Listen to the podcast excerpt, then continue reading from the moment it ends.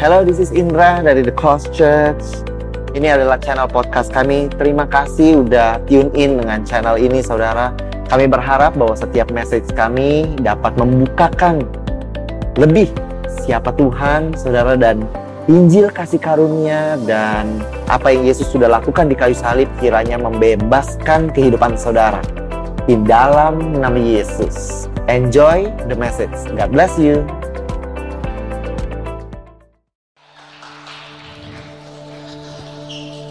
And this is uh, the last sermon of the year from me.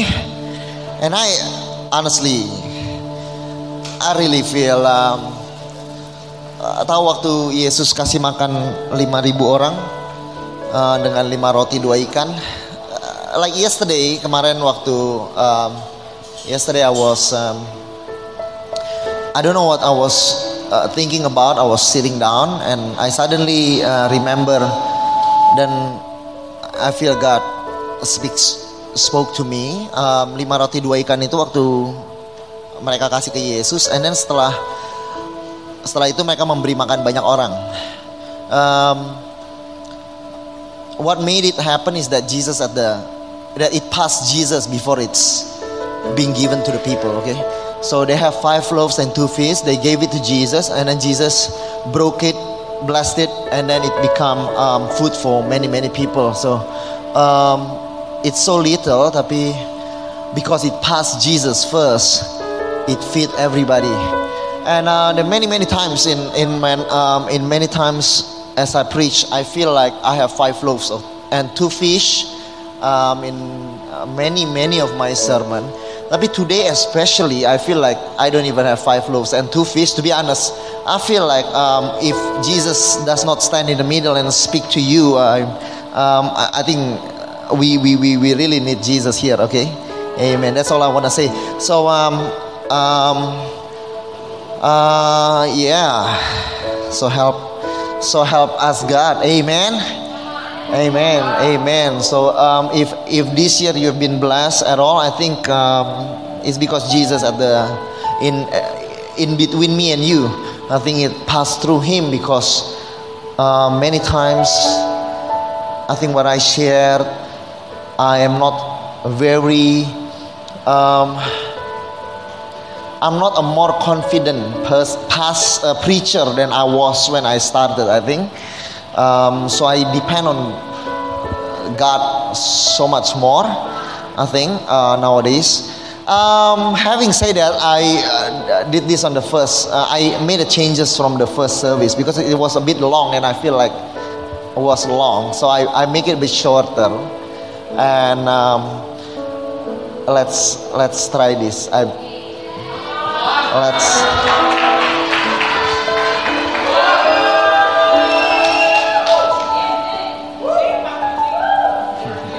I think I, I might change profession. I want to do that. No. Hallelujah. Dingin ya? I'm like wearing like you see like this is winter at the cost. Winter at the cost. Hallelujah. So um but having said that, I know Jesus is faithful. Just Jesus feed his people. Uh, that I'm not the ultimate shepherd, bahwa He is your shepherd, bahwa I'm not the ultimate teacher, bahwa the Holy Spirit is the great teacher. That the Word of God um, says bahwa it is the Holy Spirit who gonna remind you of all things that Christ has taught. It's not gonna be me who to remind you. It's gonna be Christ who remind. It's gonna be the Holy Spirit, and I'm not the wonderful counselor that Christ is the wonderful counselor. Amen. But what the Holy Spirit gonna counsel you. So um, with that said, I just believe that you're gonna be blessed by what God is doing. Amen. Thank you, Jesus, for the day. Thank you for your help and your ever present help because that's what we need, Lord. Ever present, ever present help in times of need, Lord. So you bless us as we close this year, even as we celebrate Christmas, but as we also close this year, you bless your church. you feed them, you speak to them, um, and you. I put this on you in the name of Jesus, Lord. Amen. Okay, so um, uh, I I'm gonna put um, every sermon that I have shared this year. I'm gonna tie it all together to um, share to you about trembling at His kindness. I start off the year.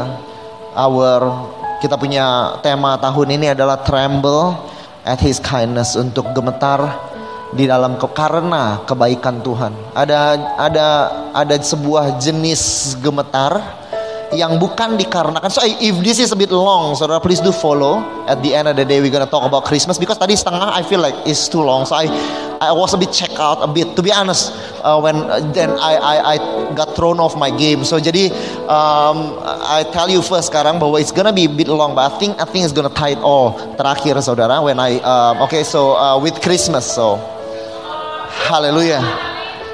And you got to see all, uh, so much of my weakness. I, I want to see yours as well. Okay, I, I, I gotta talk so much because in the in the uh, in the pulpit I I think I blabber or intentionally sometimes uh, to talk about what I feel, and I want to see you weak as well. Okay, don't leave me hanging alone. Okay. Um, So we will talk about gemetar di dalam kebaikan bahwa ada sebuah jenis kebaikan yang membuat kita uh, gemetar. I, it's very hard to find. Um, tapi Tuhan berkata saudara bahwa He gonna make us tremble at His kindness. I start of the year um, uh, membagikan firman tentang Musa. Waktu Musa membagikan hukum Taurat, Tuhan berkata bahwa aku menghadapkan engkau dengan kutuk dan dengan berkat. Berkat kalau engkau mengikuti firmanku, kutuk kalau engkau tidak mengikuti firmanku. Dan ketika Tuhan katakan kutuk, Tuhan berkata demikian bahwa discourses shall come upon you. Kalau engkau nggak mengikuti firman Tuhan, discourses shall come upon you. It shall pursue and overtake you until you are completely destroyed. And you will be made an object of terror. So these curses will come upon you, will pursue and overtake you until you are completely destroyed. And you will be made an object of terror. Kalau kita, mereka nggak mengikuti hukum Taurat pada saat itu. Next, lalu dia uh, di Deuteronomi berkata demikian setelah Tuhan bagikan, Tuhan akan memberikan di sana kepadamu hati yang gelisah, mata yang penuh rindu dan jiwa yang merana. Dalam bahasa Inggrisnya, and there the Lord will give you a trembling heart karena ketakutan, karena kutuk-kutuk ini, God will give you a trembling heart, a failing of eyes, despair of soul. Jadi Tuhan berjanji di dalam hukum Taurat bahwa kalau engkau tidak melakukan hukum Taurat dengan benar, maka Tuhan berjanji akan membuat engkau gemetar. Tapi gemetar karena kutuk yang mengejar. Engkau akan matamu akan gagal dan jiwamu akan merana. Karena Tuhan berkata bahwa kalau engkau tidak mengikuti hukum Taurat, maka Tuhan akan membuat kutuk-kutuk mengejarmu sampai hatimu dibuat bergetar. Lalu kita belajar dari Hosea, saudara. Maksud Tuhan di zaman-zaman akhir, saudara.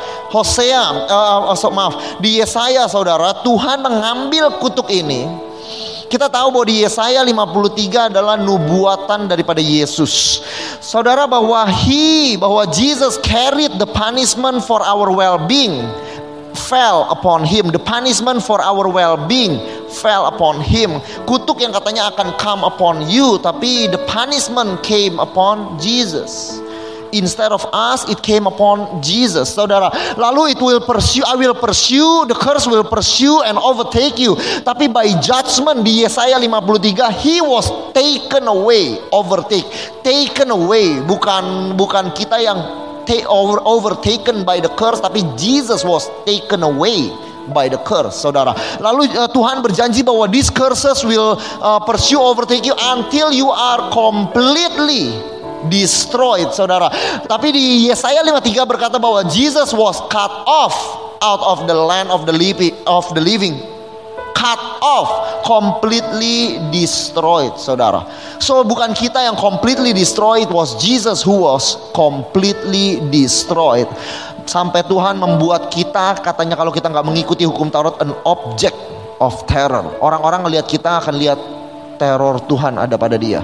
Tapi Jesus waktu we look at Jesus, firman Tuhan di Yesaya 53 berkata, "We ourselves esteem him stricken smitten by God. Bahwa waktu kita lihat eh, Yesus kita melihat dia bahwa dia adalah objek penghukuman Tuhan, Saudara. Jadi Saudara, discurses yang shall come upon you and shall overtake you, shall destroy you and make you the object of terror. Malah Yesus sudah angkat itu semua, Saudara.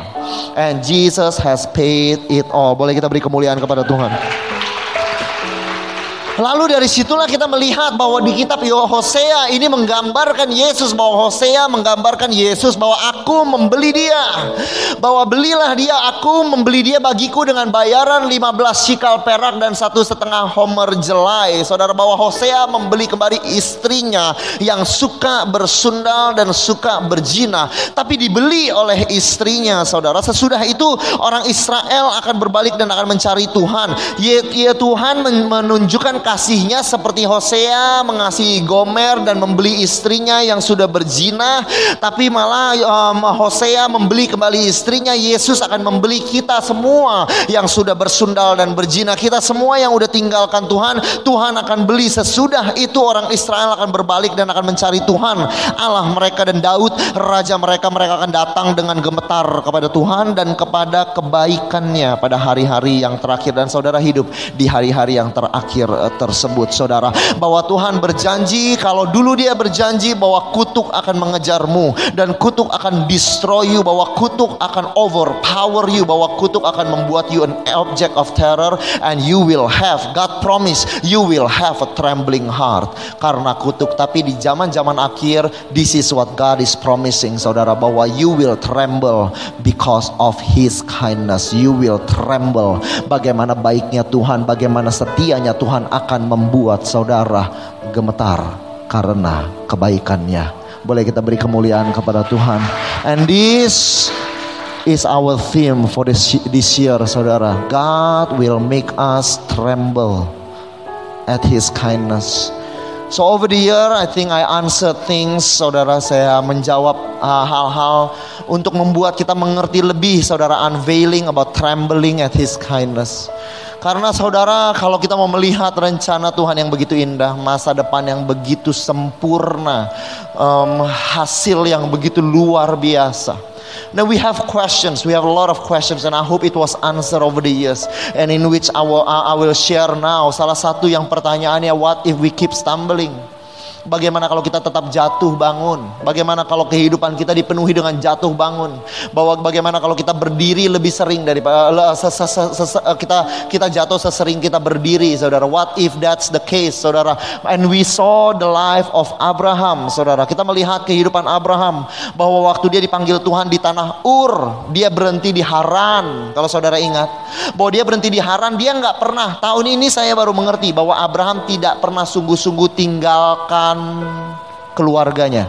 Saya kira dia bapak iman yang taat, dia went meninggalkan keluarganya. Tapi kita baru sadar bahwa di Haran dia tunggu dan ayahnya meninggal, dia baru pergi, saudara. Artinya Abraham tidak sungguh-sungguh taat meninggalkan keluarganya. Lalu saudara waktu tanahnya famine, dia pergi ke Egypt yang adalah gambaran dunia, saudara. Gambaran kekayaan dunia, Lot pergi ke Egypt uh, melihat kekayaan Sodom dan Gomora seperti Egypt, saudara. Jadi uh, dia lari saudara ke tempat yang lebih mudah untuk kehidupannya tidak stay di tanah perjanjian, dia berharap kepada Egypt. Lalu kita tahu bahkan dia di umur 86 dia punya anak saudara 85 dia bertemu dengan Hagar dan dia saudara uh, menghamili Hagar saudara, dia jatuh sangat jatuh saudara. Ini jatuh bebas saudara. Tapi waktu umur 99 Tuhan masih baik dan Tuhan masih bilang bahwa aku akan memberikan kau anak tahun depan. Lalu doa dia tanpa sepengetahuan istrinya adalah let Ismail live. Biarlah Ismail yang hidup. Artinya dia bilang I don't want this promise anymore. I gave up on this promise. Buat saya sama aja Ishak Ismail for me is just the same. I don't want I don't want to live in faith. I want to live in the normal situation. Tapi saudara, Tuhan true to his word dia bawa Abraham punya Ishak. Karena even in your stumbling, even in your weakness, even in you falling and falling and falling again, Tuhan akan bawa saudara sampai saudara gemetar karena kebaikannya saudara. Boleh kita beri kemuliaan kepada Tuhan. But it taken so long but it takes so long. Dan it takes so it took so long untuk Sarah saudara. Apa yang Sarah rasakan? Setiap kali kejatuhan Abraham setiap kali bukan hanya kejatuhan Abraham setiap kali umur dia bertambah apa yang Sarah rasakan? Sarah pertama udah udah tahu bahwa dia adalah problemnya. She was the problem. Lalu saudara waktu dia di Egypt Abraham kasih dia kepada Firaun Artinya dia dispense bisa digantikan, betul kan? Karena Abraham, it seems like for Abraham untuk penuhi janjinya nggak apa-apa kasih saya ke orang lain. Jadi dia bisa digantikan. Saudara, saya rasa itu stuck di dalam pikiran dia. To be honest, as human, I think it's stuck. Oleh karena itu waktu dia umur 85, I think she gave Hagar for a reason. Karena dia rasa kayaknya, I think I am already hopeless dan I think I you can change me, bisa gantikan saya dengan seorang yang lain. Lalu saudara, waktu uh, uh, uh, waktu waktu Tuhan berjanji mau kasih Ishak umur 99, saudara um, Abraham berdoa Ismail aja. Benar-benar saudara it confirm bahwa dia replaceable, saudara. Sehingga waktu dia mendengar overheard, waktu dia nguping dia dengar Tuhan janji mau kasih dia anak, dia tertawa. Kenapa? Karena dia merasa dia worn out. Ingat saya pakai uh, kain kotor worn out. Karena kata-kata Hebrunya waktu dia ketawa dia bilang saya udah unusable itu worn out, saudara seperti kain kotor. Tapi saudara nggak perlu di dalam waktu yang begitu lama dia menyerah, dia merasa I'm the problem, I'm not worthy, I cannot, I will not, this will not happen, I'm hopeless. Tapi saudara true to his word 25 tahun berlalu her womb was as good as dead saudara. Apa yang terjadi? Tuhan kasih dia Ishak saudara. Karena nggak peduli seberapa saudara rasa nggak layak terlalu lama Tuhan tertidur tidak mungkin terjadi dalam kehidupanmu. If God is working for you bahwa He will bring you to the end and He will still give you your Isaac saudara. Boleh kita beri kemuliaan kepada Tuhan. Dan we read the word saudara bahwa Tuhan memperhatikan Sarah. Bahwa it might take long trembling at his kindness might might not take um, mungkin gak mengambil waktu satu tahun saudara Mungkin saudara akan ada waktu-waktu di mana saudara rasa Tuhan tidak memperhatikan saudara. It will happen, it bound to happen in your life, saudara. Tuhan, tapi Tuhan memperhatikan Sarah seperti yang difirmankannya. Tuhan melakukan kepada Sarah. Saudara merasa bahwa Tuhan nggak berlaku apa-apa untuk kehidupanmu, tapi Tuhan melakukan kepada Sarah seperti yang dijanjikan dia maka mengandunglah Sarah lalu ia melahirkan seorang anak laki-laki bagi Abraham pada masa tuanya pada waktu yang ditetapkan sesuai dengan firman Allah kepadanya. Berkatalah Sarah Sarah Allah, Allah telah membuat aku tertawa. Setiap orang yang mendengarnya akan tertawa karena aku. Tuhan bukan hanya mau buat Abraham tertawa, Tuhan mau buat Sarah tertawa. Mungkin saudara waktunya lama sehingga dia kira is not for her anymore. Sehingga dia rasa he, she was unusable, replaceable, hopeless saudara. Tapi kenapa makan waktu begitu lama? Karena berkat yang Tuhan siapkan untuk Sarah adalah berkat yang akan membuat dia tertawa terbahak-bahak. Bukan hanya dia tapi katanya ke semua orang yang mendengarnya dan melihatnya akan tertawa. This is trembling trembling at his kindness. Satu hari saudara nanti saudara akan memiliki berkat yang waktu Tuhan unveil, manifestasikan semua yang dia ingin lakukan, saudara akan hidup di dalam tawa saudara. Saudara akan hidup di dalam ketawa. Bukan hanya itu tapi orang di sekitar saudara akan tertawa melihat kebaikan Tuhan di dalam kehidupanmu. That is trembling at his kindness. Itu yang Tuhan sedang rencanakan untuk kehidupan saudara. Boleh kita beri kemuliaan kepada Tuhan. But still karena begitu lama saudara, you wanna forget your dream. Karena saudara ekspektasi menghasilkan frustasi ketika ekspektasi tidak sesuai dengan realita. It always breeds frustration saudara. Oleh karena itu saudara, sometimes it is easier to throw the baby out with the water. Saudara, kadang-kadang kita mau buang semuanya, bukan hanya rasa sakit kita yang kita buang, tapi pengharapan kita kita buang. Karena lebih mudah sering kali hidup seperti itu. Terjadi di dalam kehidupan Yusuf. Ingat ingat waktu Yusuf, I shared this saudara. Wow, are you okay still? In the name of Jesus. Um, Yusuf berkata demikian waktu dia masih umur sekitar 17 tahun saudara. Dia berkata bermimpilah Yusuf. Lalu mimpinya diceritakan kepada saudara-saudaranya. Sebab itulah mereka lebih benci lagi kepadanya. Karena katanya kepada mereka coba dengarkan mimpi yang aku mimpikan ini. Dia bilang sama saudara-saudaranya dari rumah ayahnya. Dia bilang saya ada mimpi. Dengarkan mimpi ini.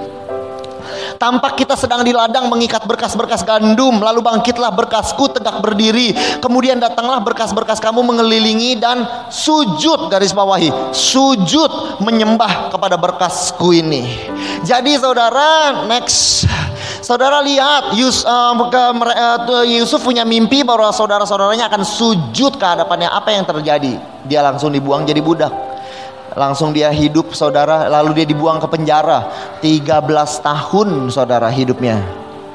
Hidup di dalam penderitaan. Karena begitu lamanya penderitaan dia waktu Tuhan lakukan sesuatu yang baik Sometimes kita begitu banyak kejadian yang pahit kiri kanan disappointment. Waktu ketika Tuhan melakukan yang baik pun we will turn it around bahwa ini baik tapi maybe not so good saudara. Oke? Okay? karena waktu Tuhan kasih dia anak Yusuf memberi nama Manasye kepada anak sulungnya. Sebab katanya Allah telah membuat aku lupa sama sekali sama sekali akan kesukaranku dan kepada rumah bapakku Saudara tunggu, dia mau melupakan kesukarannya tapi pada saat yang bersama untuk dia lupakan kesukaran dan disappointment dia, dia harus lupakan juga rumah bapaknya. Sedangkan mimpi yang Tuhan kasih sama dia adalah kakak-kakaknya akan menyembah dia, which is dari rumah bapaknya akan menyembah dia. Artinya dia buang rasa sakitnya bersama dengan semua ekspektasi yang ada. Jadi bukan hanya dia buang disappointment dia tapi dia buang his dream. Dia bilang forget this, I don't want this pain, I don't want this calling, I don't want this dream, I don't want it all. Nggak usah, I, I live like this, it's okay. Dia buang kesukarannya pada saat yang bersamaan dia buang mimpinya, saudara. 20 tahun berlalu, ini yang terjadi. Kakaknya datang ke Mesir karena dia udah jadi penguasa dan mereka datang untuk ngapain? Beli nasi atau gandum. Ya kemarin itu ada Bible quiz dari si Ajab. Haleluya Lalu saudara perjumpaan pertama dengan kakak-kakaknya. Ketika saudara-saudara Yusuf datang kepadanya mereka menghadap dan apa? Sujud. Itu yang dia mimpikan, sujud dengan mukanya sampai ke tanah. Kakaknya pertama kali ketemu dia, mereka sujud, mimpi terjadi. The dream from God happen. The expectation that he forgotten happen. Apa yang terjadi? Yusuf mengundurkan diri dari mereka. Lalu apa yang dia lakukan? Dia menangis. He cried. Kakaknya pulang, balik lagi saudara untuk beli lagi gandum. Mereka membawa persembahan yang ada pada mereka kepada Yusuf di dalam rumah. Lalu apa yang mereka lakukan? Mereka sujud sampai ke tanah kedua kalinya. Apa yang Yusuf lakukan? Ia masuk ke dalam kamar, lalu dia menangis di situ. Menangis kedua kalinya. Lalu uh, saudara-saudaranya pulang lagi bawa papahnya, bawa Yakub untuk kembali. Ketika Yehuda dan saudara-saudaranya sampai ke dalam rumah Yusuf, sujud mereka sampai ke tanah di depannya. Apa yang terjadi ke pada saat itu menangislah dia keras-keras, saudara. It has taken 20 years it felt like it's not gonna happen. It felt like bahwa Tuhan udah tertidur. Where is this trembling at His kindness? Where is this expectation of good? I want to throw this away, away with my pain. Karena it is easier to live in the reality then the dream of God that is unseen, saudara. Dan pada saat itu dia buang semuanya. Tapi 20 tahun berlalu, walaupun dia lupakan mimpinya, your God nggak lupakan mimpi yang dia punya untuk kamu. Karena Joseph might forget his dream because of the pain, tapi his God did not forget his dream. Yang Tuhan sedang lakukan adalah Tuhan sedang lakukan kebaikan yang membuat Yusuf akan menangis dan menangis dan menangis lagi saudara. This is the kind of goodness yang Tuhan sedang lakukan kepada saudara. Bukan kebaikan yang murahan, bukan kebaikan yang picik, bukan kebaikan yang hanya dilakukan dalam waktu dua hari saudara. Why does it takes time? Karena Tuhan sedang merajut sebuah mahakarya. We get to see saudara hari ini tahun ini we are disappointed maybe because where is this trembling at his kindness last year we took we talk about much more so many much more happening tapi where is this trembling at his kindness. I want to tell you about trembling gemetar akan kebaikannya. Bukan sedang berbicara soal kebaikan tiga bulan. Bukan soal berbicara kebaikan sepuluh bulan. Tapi sedang berbicara bahwa Tuhan sedang merajut sebuah mahakarya yang ketika engkau melihat engkau akan menangis dan menangis dan menangis lagi. Saudara perhatikan. Pertama dia eh, back.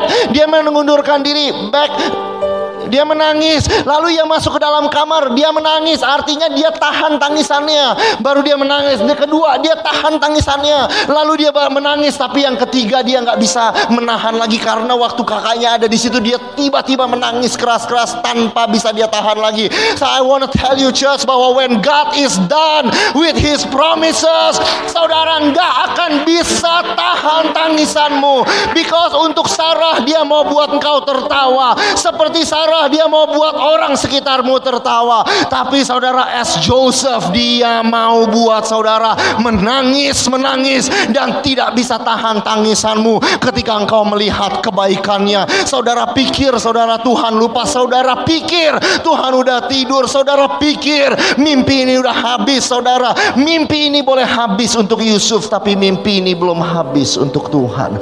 Sampai Tuhan buat saudara menangis karena kebaikannya and that is trembling at his kindness. Yang Tuhan sedang mau lakukan dalam kehidupan saudara adalah kedalaman sebuah komitmen, keteguhan sebuah janji, kesungguhan selama 20 tahun mendatang. Mendatang saudara. Sebuah kebaikan yang tidak tergesa-gesa. Sekian lama tetap setia ada di dalam setiap langkah. Dan waktu it's oh I know it's hard now tapi when it unveils, you will cry like you have never cried before in your life because of kindness, not because of pain, saudara. Boleh kita beri kemuliaan kepada Yesus. Next. Kalau kita tanya Yusuf, maukah dia gantikan cerita hidupnya waktu dia dibuang ke sumur? Of course. Waktu dia dijual jadi budak? Of course. Tapi kalau saudara tanya Yusuf di sini ketika dia menangis, menangis dan menangis, saudara I know for sure dia bilang, I wouldn't change a bit of my story. Karena apa yang Tuhan kerjakan, sungguh Stephanie Chu bilang minggu lalu, seperti belum pernah didengar orang, belum pernah mata melihat, bahkan timbul di dalam hatimu pun belum. Itu adalah kebaikan yang membuat kamu gemetar. Belum pernah didengar, belum pernah dilihat, timbul dalam hati pun belum pernah. And you will cry like never before out of kindness. So are you are you feeling hopeless now? Are you feeling that God is forgotten? This trembling at his kindness? Apakah saudara hari ini merasa bahwa God is taking too much time now? Dan karena when God takes too much time, kita merasa bahwa Where is God? Di mana Tuhan? Maybe Tuhan ambil waktu lama saudara 40 tahun kadang-kadang dia ambil waktu Karena mahakarya nggak dibuat dalam sehari Mahakarya dibuat dengan kedetilan Yang buat dia menangis justru karena itu saudara Tapi saudara perhatikan untuk Musa. Kebaikan jenis apa sih kenapa Tuhan makan waktu? What is this kind of kindness? Next saudara lihat Musa. Waktu Musa umur 40 tahun, kita belajar ini beberapa minggu yang lalu bahwa Musa dia di reject sama salah satu budak Israel, saudara. Ketika dia bantu, malah budak ini menjawab, siapa yang angkat engkau jadi menjadi hakim? Safat. Siapa yang angkat engkau jadi uh, mengadili kami? Siapa yang angkat engkau jadi hakim atas kami? Dia di reject oleh satu orang. Dia ditolak waktu dia umur 40. No dreams, hopeless. Orang lain juga rasa it's not for you. Tapi saudara umur 80 tahun, apa yang dia kerjakan Keesokan harinya duduklah Musa mengadili, menghakimi Safat di antara bangsa itu. Bangsa itu berdiri di depan Musa dari pagi sampai petang saudara. Saudara dia ditolak 40 tahun yang lalu. Next saudara lihat 40 tahun yang lalu dia di reject berapa orang? Satu orang saudara. 40 tahun berlalu. Musa mengadili atau menghakimi berapa orang 2 juta orang saudara Kenapa makan waktu 40 tahun? Karena Tuhan gak mau jadikan dia hakim akan orang ini. Karena Tuhan makan waktu 40 tahun karena Tuhan mau bilang I will make you a judge. Safat saudara akan 2 juta orang dari pagi sampai petang. Saudara saya mau kasih tahu saudara orang ini masih budak pada saat itu mungkin umur 20 karena masih muda. Jadi kemungkinan 40 tahun kemudian dia umur 60 kemungkinan besar dia masih hidup. Kemungkinan besar orangnya yang ini saudara yang di paling belakang Saudara, orang yang menolak dia melihat bahwa Musa mengadili dua juta orang. This is the kind of kindness that God wants to do to you. The kindness that will surprise everyone else, saudara. Bahwa this must be God, saudara. Ini hanya Tuhan yang bisa lakukan. Ini hanya Tuhan, saudara. So no matter apa pun situasi, apa pun yang membuat engkau tidak layak, mengatakan engkau tidak layak, saudara. If God is on your side, if God is on your side, He will surprise people by His kindness towards you, saudara. A jaw dropping kindness. Itu yang Tuhan mau kerjakan. Waktu Tuhan lihat kamu, harusnya bukan dia. Waktu Tuhan lihat kamu, harusnya dia nggak bisa. Waktu Tuhan, ah, waktu Tuhan, bukan waktu Tuhan lihat kamu, harusnya kamu nggak bisa ya, nggak nggak bukan. Itu salah kayaknya. Theologically wrong, saudara ya. Waktu orang lain lihat kamu, this is not for you. This must be God. Boleh kita beri kemuliaan kepada Tuhan. How amazing! He wanna make you laugh. He wanna make you cry. He wanna surprise you of what he does, saudara. Tapi then we ask, ini cerita-cerita kan cerita-cerita karakter-karakter besar, betul? Cerita karakter besar. Sama seperti Yosua. Waktu Yosua disuruh menggantikan Musa, kita belajar ini, Yosua digantikan Musa jadi pemimpin, males banget, saudara. Kalau menggantikan seseorang yang kita udah cannot top them Males banget saudara I will never measure up Nggak akan bisa jadi kayak Musa Mau apa laut dibelah Dan Saudara mau uh, mau mau apa? Mau mau bunuh seluruh anak sulung satu bangsa dan all the checklist of miracle. Mau apa? Mau makannya dari langit dan hujan roti dan saudara. Jadi bagaimana? I'm not him. How can I be used by God? How can I receive a greater kindness? How do I receive what kind of kindness yang bisa I lihat yang lebih daripada itu? Tapi kita lihat di dalam kehidupan Joshua. Remember, this is around February. Saudara kita lihat di Musua, mau Musua, namanya Musua. Itu bahasa Cina-nya Moses. Musua. Membelah Laut Merah.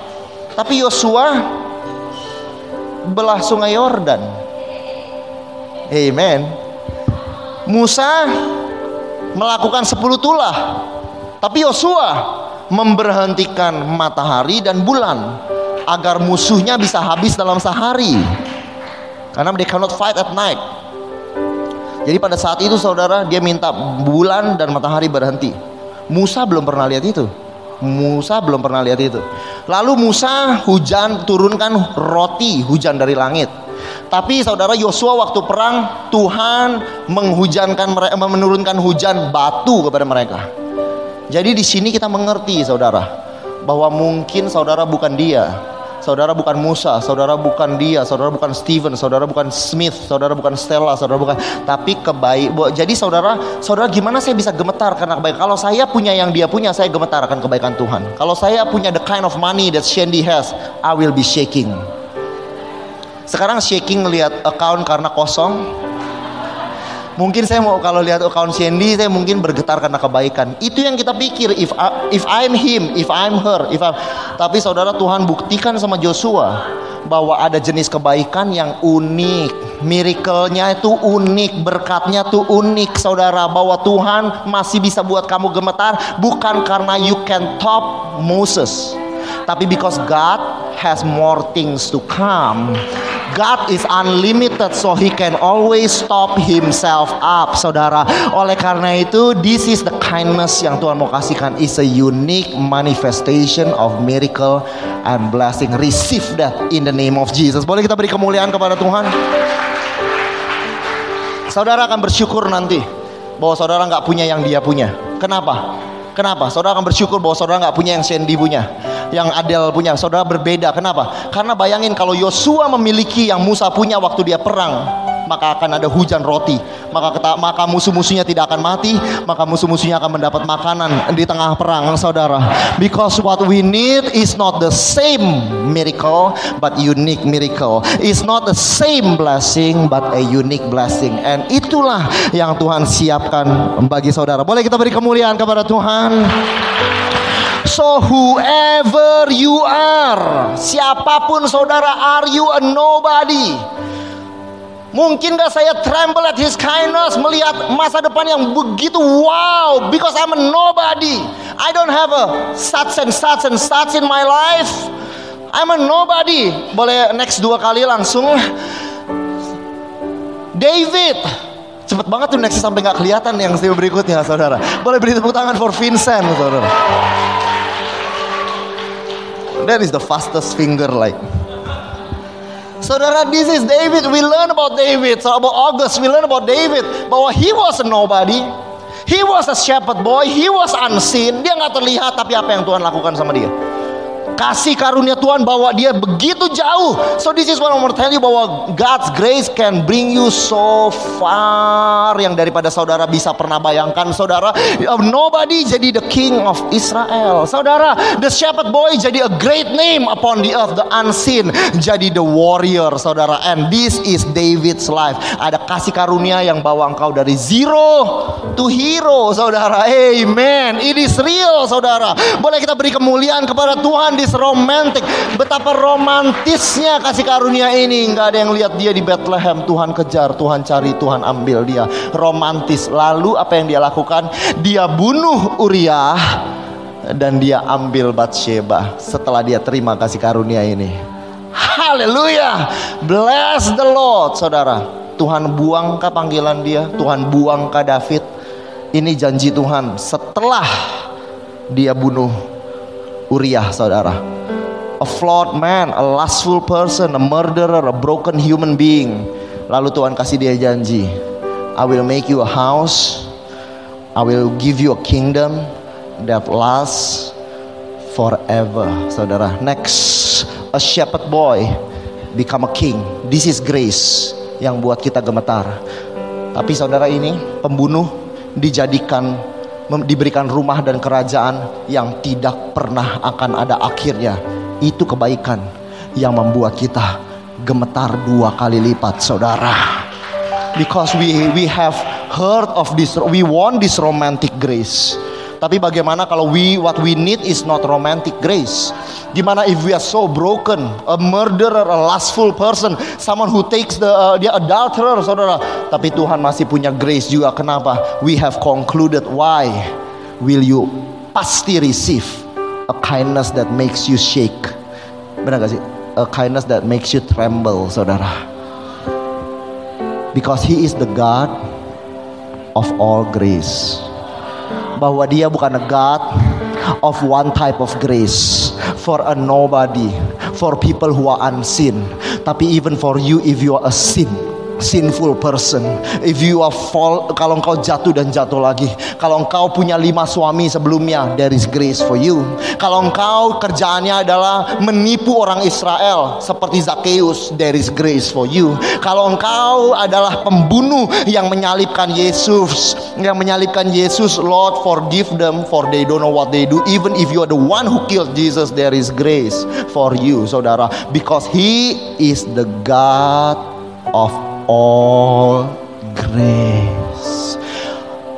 Your future is secure, as secure as His grace for you. Not as secure as your faithfulness to Him, it is as certain as His kindness to you. Boleh kita beri kemuliaan kepada Tuhan. So please do let God love you. Kalau this year you have not been the strongest, if this year you have rise and you have fall at the same breath, saudara di dalam nafas yang sama berdiri dan jatuh. If this is you today, saudara seperti Elia, sehari dia berdiri di atas gunung Karmel menghadapi 450 nabi. Besokannya dia ada di bawah pohon berdoa kepada Tuhan, kabur ketakutan. Sehari saudara dia berdoa untuk api turun dari langit. Besokannya dia berdoa minta mati saudara. Dia mengalami what we call the dark night of the soul saudara. Tapi apakah Tuhan ambil panggilannya? Tuhan ambil kebaikannya? Tuhan lupakan kebaikannya. No, no, no, no. Apa yang Tuhan lakukan? This yang apa yang Tuhan lakukan? Tuhan kirim malaikat, Tuhan kirim supernatural food, Tuhan kirim api, Tuhan kirim angin, Tuhan kirim um, gempa bumi dan Tuhan bicara dengan baik-baik kepada Elia saudara untuk bawa dia kembali saudara even in your darkest days let him love you he wanna love you still he wanna take care of you He wanna comfort you. Dia bukan mau pukuli saudara. Dia mau bawa saudara datang ke dalam kebaikannya saudara. Even in your darkest moment, your God will give you kindness. Dan di situlah I know that God is the God of grace. Boleh kita beri kemuliaan kepada Tuhan. These are your forefathers. I'm gonna close in 10 minutes I think. These are your forefathers. Ini adalah nenek moyang saudara. Iman bapak dan ibu iman saudara. Ini adalah mereka saudara. Mereka tidak ada yang sempurna, saudara. He, dia, uh, tapi Tuhan tidak takut akan kemanusiaan mereka.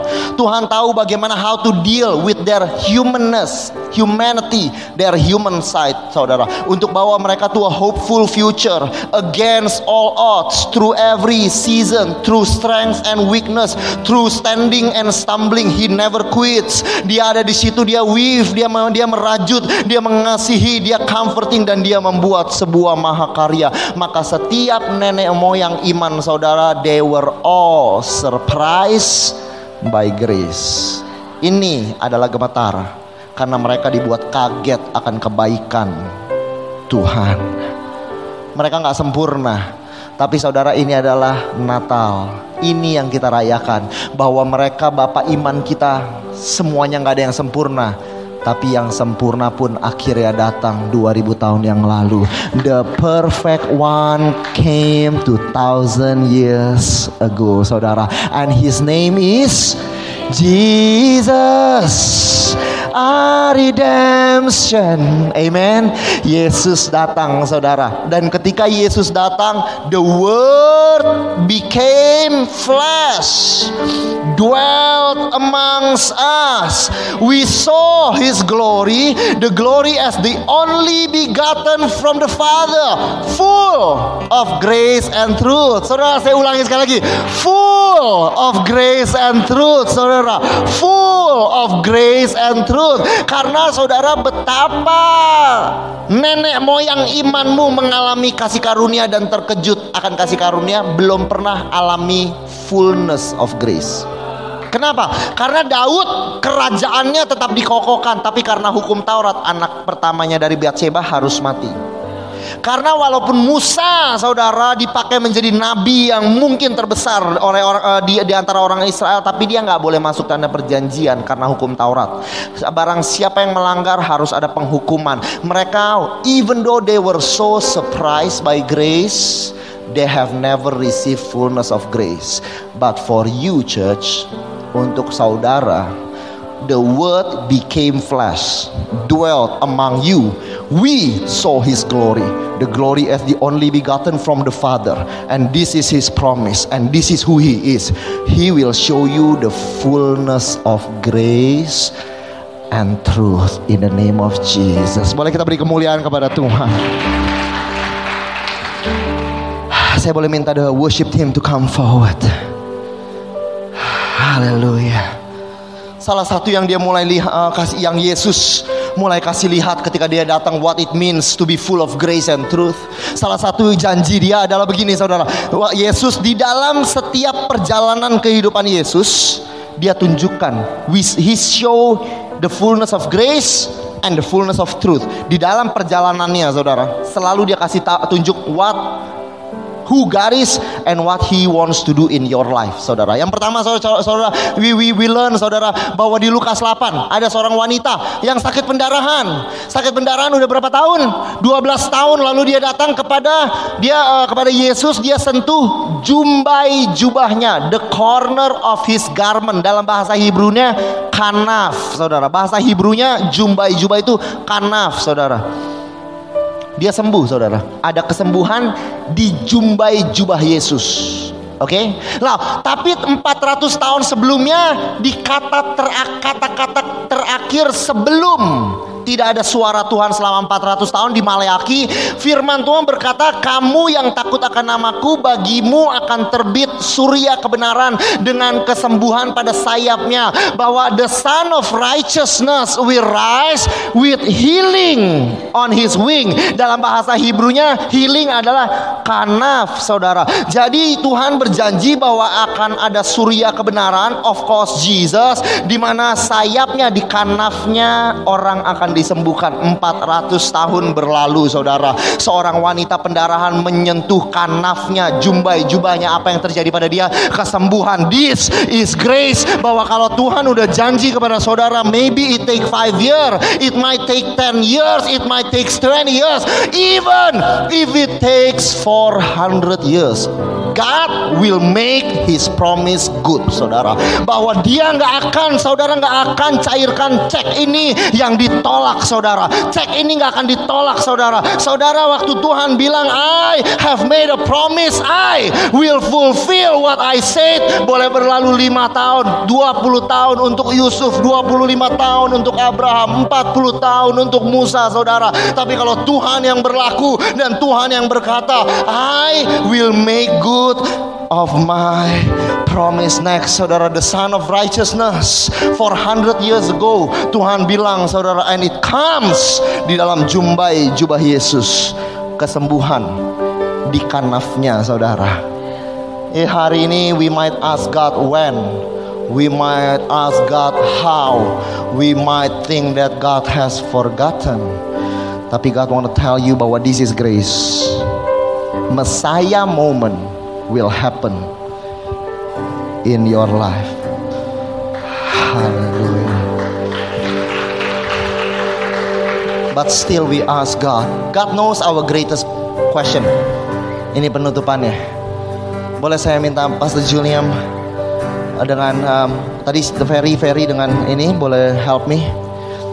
Tapi Tuhan tahu pertanyaan kita paling berat adalah apa? That he is late. Dia late Yesus dengan sengaja public miracle Yesus yang terakhir di kitab Yohanes adalah membangkitkan Lazarus. Sekali lagi, public miracle terakhir Yesus di kitab Yohanes adalah membangkitkan Lazarus. Kenapa?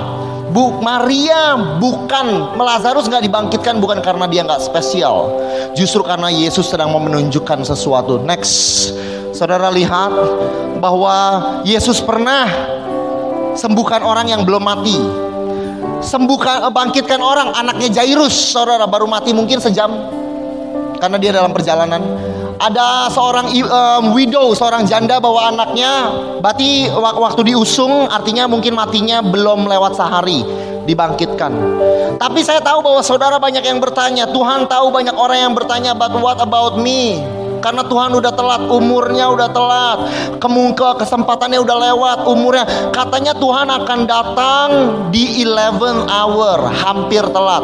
Tuhan mau kasih tahu dan Tuhan mau betulkan teologi mereka bahwa Tuhan kadang datang memang bukan di main di uh, bukan bukan 11 hour, tapi Tuhan kadang-kadang datang di plus 4. Totally telat, saudara.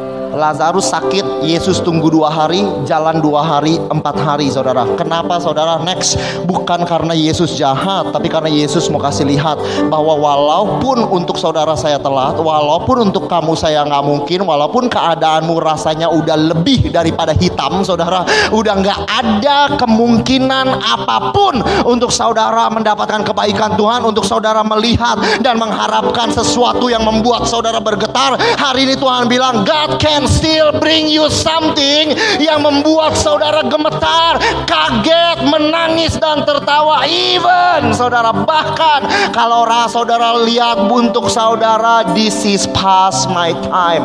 Impossible, impossible, impossible. Tuhan kasih tunjuk bahwa this is grace. Impossible, totally nothing untuk Tuhan. For God there is nothing, there is impossible. Saya mau bacakan ayat ini waktu saya bacakan pertama. Berfirmanlah Tuhan kepadaku, pergilah, cintailah perempuan yang suka bersundal dan berzina, seperti Tuhan mencintai orang Israel. Tadi Hosea, um, ayat yang saya baca waktu di Hosea pertama, saudara. Tuhan bilang Hosea, kamu cintai Gomer cintai wanita yang suka bersundal, suka berzina. Karena Tuhan mencintai orang Israel dan mengasihimu sama seperti itu. Bagaimana jahatnya saudara dan saya Tuhan masih mengasihi. Sekalipun mereka berpaling kepada Allah lain, mereka suka kue kismis. Dan mereka saudara aku beli mereka dia bagiku dengan bayaran 15 sikal perak dan satu setengah homer jelai. Sesudah itu orang Israel akan berbalik dan mencari Tuhan Allah mereka dan Daud raja mereka. Mereka akan datang dengan gemetar bergetar kepada Tuhan dan kepada kebaikannya pada hari-hari akhir. Saudara, Tuhan minta Hosea kasih tunjuk bagaimana Tuhan mengasihi kita dengan kembali cari istrinya yang sedang bersundal dan sedang berzina.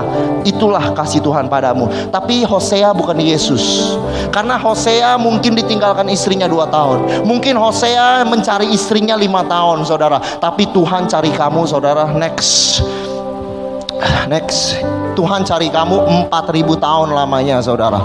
4000 years saudara. Tuhan cari kamu. Dari Adam jatuh pertama kali dia bilang saya akan kasih benih dan benih ini akan menghancurkan iblis saudara. Who is that benih saudara? Yesus Tuhan udah rencanakan dari kejatuhan pertama manusia. You are already in his mind. Yang saya bilang Tuhan sedang merajut kebaikan bukan 20 tahun saudara. Kalau umur saudara hari ini saudara 20 Tuhan udah merajut saudara 6020 tahun. Dari dari pertama kali adanya manusia Tuhan udah rajut kebaikan untuk saudara. Saudara bahwa Tuhan gak pernah tertidur Tuhan gak pernah terlelap Tuhan gak pernah gagal dan Tuhan tidak pernah lupa dan Tuhan tidak pernah buang saudara bahwa waktu kerajaan waktu kerajaan Mesir mau menghancurkan kebaikan Tuhan untuk kita. Saudara Tuhan masuk ke dalam kerajaan Mesir. Kadang Tuhan terlihat di dalam sejarah kadang Tuhan sembunyi di dalam sejarah tapi Tuhan tidak pernah istirahat. Karena Tuhan sedang mengerjakan sampai Yakub memperanakan Yusuf suami Maria yang melahirkan Yesus yang disebut Kristus. Namanya Immanuel. Sampai Tuhan bawa yang paling baik untuk saudara. Dia tidak kenal istirahat. Jadi mungkinkah hari ini kalau dia istirahat di dalam kehidupanmu? Mungkinkah hari ini kalau dia istirahat untuk memberikan kau pekerjaan yang terbaik keuangan yang utuh keluarga yang baik ke emosional state? Apakah Tuhan hari ini lupa dan tertidur? Kalau Tuhan nggak pernah lupa saudara for 4000 years nggak pernah dia kenal lelah hari ini. Dia nggak sedang lelah. It might taken longer yang saudara pikir saudara tapi God is not resting. He has not rest and he is not resting now, saudara. He had not failed, saudara, and he will not fail now di dalam kehidupan saudara. Jadi tahun ini receive this in the name of Jesus. In your waiting, in your stumbling, in your darkness, saudara, in your questioning, in you throwing away God's uh, God's God's God's promises to you, receive this bahwa Dia tetap mengejar saudara untuk menjadikan yang terbaik and make you laugh. He will make you cry. He will surprise you dan Dia will make you tremble at His kindness. Boleh kita beri kemuliaan kepada Yesus. Saya undang kita untuk bangkit berdiri. Wow.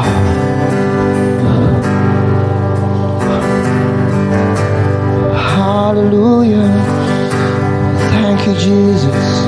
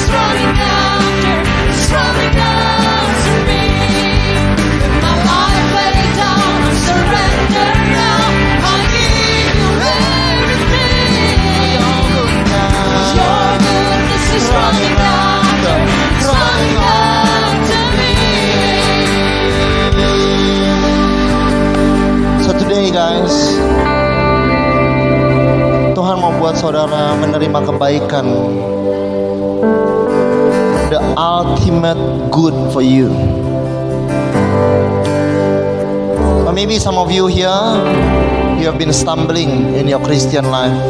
Saudara merasa bahwa saudara nggak layak terima ini. I want to remind you bahwa it's not your faithfulness, it's His faithfulness yang bring you like Abraham to the end. Tuhan akan tetap lakukan yang baik untuk saudara. If that is you today, boleh taruh tangan kanan saudara di dada. You think you are not worthy. Saudara rasa saudara jatuh terlalu sering. Mungkin saudara seperti Daud bahkan tangannya berlumur darah begitu jahat, begitu bobrok. Tapi hari ini saudara, this kindness is for you too, saudara. Tapi mungkin some of you here, saudara-saudara, hari ini, saudara, it has taken so long. Janji Tuhan, pengharapan, ekspektasi terlalu jauh saudara sampai saudara udah buang semua ekspektasi itu. Saudara buang panggilan, saudara buang janji, saudara buang semuanya agar tidak ada rasa sakit yang saudara alami seperti Yusuf. Saudara lupakan kesukaran tapi juga mimpinya akan rumah bapaknya dia lupakan semua. Tapi hari ini saya mau beritahu kepada saudara bahwa Tuhan belum lupa yang dia mau lakukan untuk kehidupan saudara. Untuk saudara yang hari-hari ini this is how you cope, this is how you cope. Saudara nggak mau expect banyak, nggak apa-apa saudara. God understands. Tapi hari ini boleh taruh tangan kanan saudara di dada. Maybe it is you. It is easier for me not to hope. It is easier for me not to dream. It is easier for me not to expect because it is painful. Seperti Yusuf, Tuhan tetap dia lakukan yang terbaik untuk kehidupan saudara. Tapi hari ini, kalau saudara mungkin lari dan fed up with God. Saudara cukup sama Tuhan. Seperti Elia, udah cukup sama Tuhan. Seperti Musa, saya nggak mau lagi sama Tuhan. Hari ini saudara, if this is you, saudara rasa bahwa kebaikan Tuhan gak akan kejar kamu, well think again. Bahwa karena hanya kemurahan dan kebaikan belaka yang mengikutimu seumur hidupmu. If you wanna give up like Elijah, if you wanna say I don't want this like Elijah, hari ini you come and you come to Jesus. You say, God, I don't deserve kindness. I don't believe kindness. I cannot expect kindness. I do not know what it means. Tapi hari ini just put your right hand on your chest, saudara. Just say, but this is me. Damn, apa yang tu yang yang tadi pastor bicarakan, all of that, that is me. The failure, the messy, the dark, uh, in the darkness, the hopeless, the semua itu, I- that, that is me. Tapi hari ini I want to pray for you church. And I know and I am certain bahwa Tuhan akan buat kamu tertawa. Aku berdoa bahwa Tuhan akan buat kamu menangis dan menangis dan menangis lagi bukan karena yang lain tapi karena kebaikannya. Dan aku berdoa bahwa engkau akan lihat bahwa mata orang-orang lain akan surprise. Mereka akan terkejut apa yang engkau dapatkan dalam kehidupan karena hanya kasih karunia yang bawa kamu ke sana. Dan hari ini bahwa engkau pun akan terkejut karena kebaikan bahwa Tuhan gak pernah dan belum lupakan saudara. I pray in the name of Jesus seperti Lazarus, though it's blurry that God will complete His story in your life, and you shall be the object of His love, and you shall be the apple of His eyes, and you shall tremble at His kindness in Jesus' name.